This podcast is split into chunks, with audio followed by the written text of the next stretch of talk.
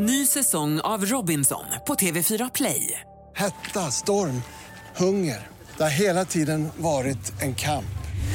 Nu är det blod och tårar. Fan händer just nu. Det. är Detta är inte okej. Robinson 2024, nu fucking kör vi! Streama söndag på TV4 Play. Du lyssnar på en podcast från Expressen.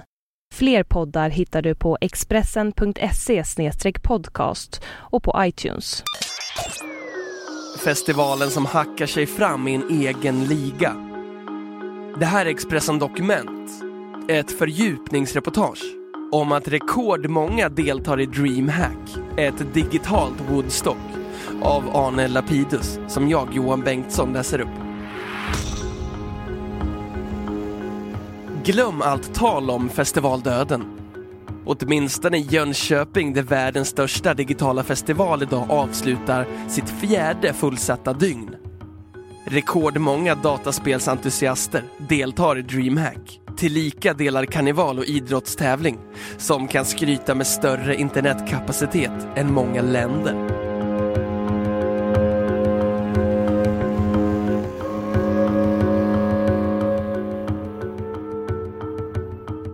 Medan landets musikfestivaler går på knäna lyfter DreamHack mot nya höjder buret av ett ständigt ökande intresse för dataspel och för den snabbt växande e-sporten.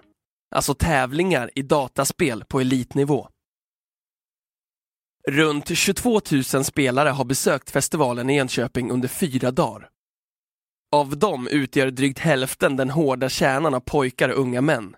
Medelåldern är 18,7 år som har hyrt datorplats dygnet runt. DreamHack startade 1994 i matsalen i skolan i Malung där några kamrater kopplade ihop sina datorer för att kunna spela med varandra. Evenemanget växte för varje år.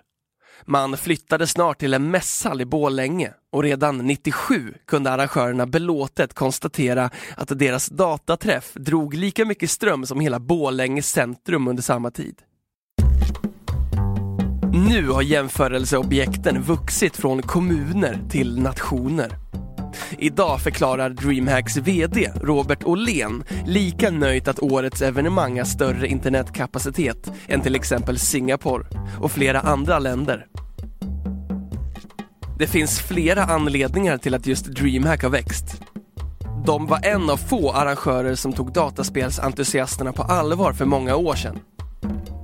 De gjorde sig tidigt ett namn, lyssnade på sin marknad och på sin målgrupp, säger Petter Hegevall, Expressens spelrecensent och chefredaktör för Game Reactor, som är Nordens största speltidning och sajt. De har varit lyhörda och hängt med hela vägen. De insåg att mötena var ett bra tillfälle för spelare att träffa likasinnade.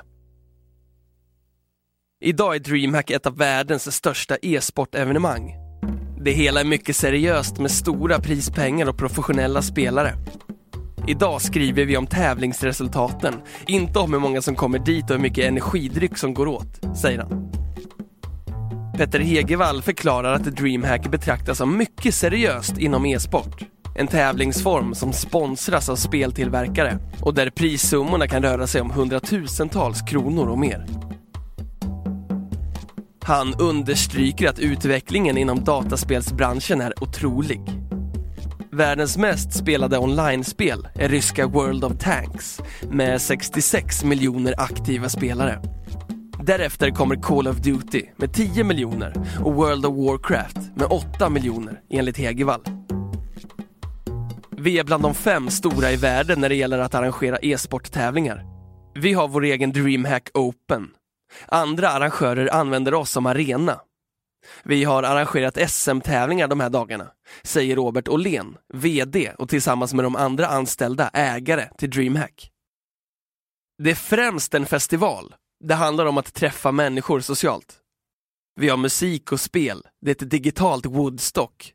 Den nya generationens egen festival. Det är en fysisk manifestation av internet och den digitala onlinekulturen. Allt som sker på DreamHack är vad våra besökare gör hemma på internet. Här gör man samma saker tillsammans med likasinnade, säger han.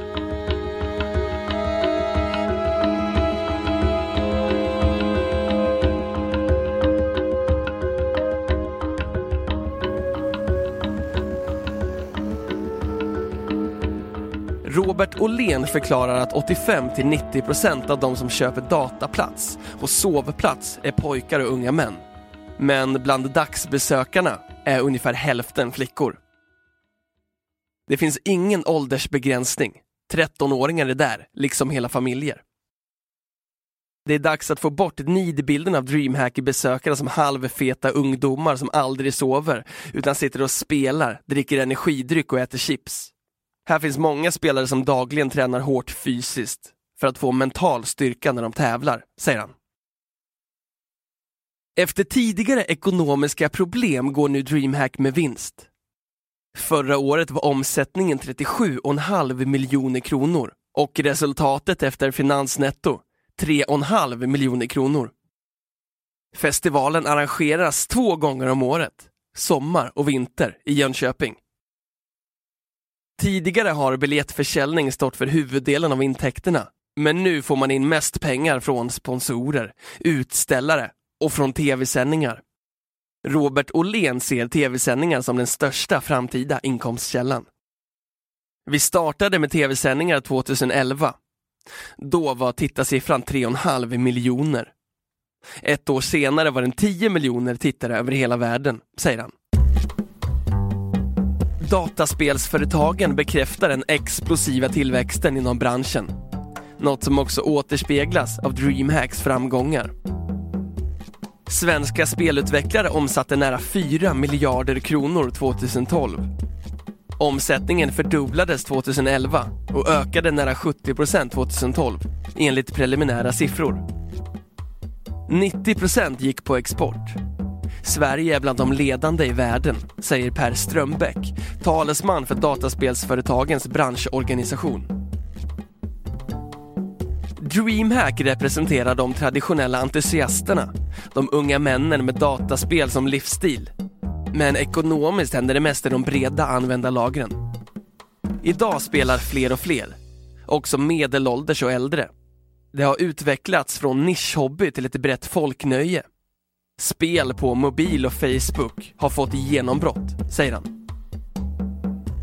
Enligt branschorganisationens mätningar säger 81% av svenskarna mellan 16 och 60 år att de spelar dataspel. Bland dem 84% män och 78% kvinnor. Bland ungdomar i åldrarna 15 till 24 år är siffran 99 procent. men även i åldersgruppen 45 till 60 är antalet så pass högt som 60 procent. Siffrorna är tre år gamla, men Per Strömbäck säger att sedan dess har spel på Facebook och i mobilen gjort att intresset och tillgängligheten ökat ännu mer bland äldre. DreamHack har blivit en arena som mycket handlar om test av spel. Där är publiken medskapare, bygger egna banor och skapar eget innehåll. Användardeltagande är väldigt viktigt för att hela branschen ska vara framgångsrik, säger han. Forskaren Jenny Brusk är lärare och programansvarig för dataspelsutveckling design på Högskolan i Skövde. Hon har varit engagerad i ett jämställdhetsprojekt för att inspirera kvinnor att bli spelskapare och bredda utbudet av spel.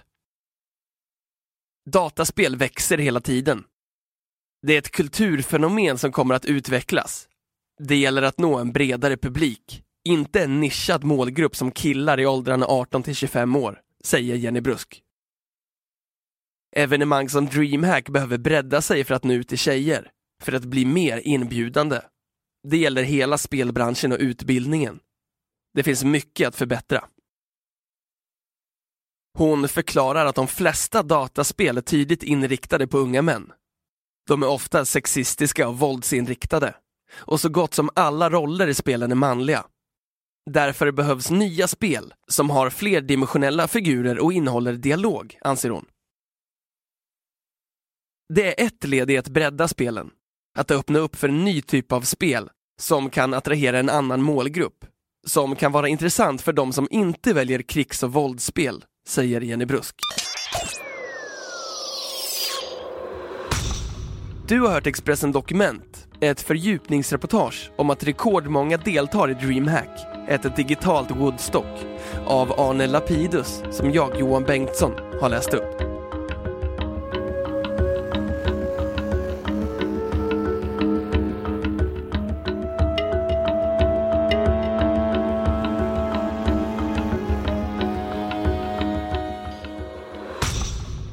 Du har lyssnat på en podcast från Expressen.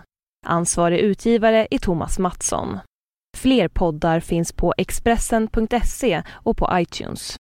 Ny säsong av Robinson på TV4 Play. Hetta, storm, hunger. Det har hela tiden varit en kamp. Nu är det blod och tårar. Fan händer just nu. Det. är Detta är inte okej. Robinson 2024, nu fucking kör vi! Streama söndag på TV4 Play.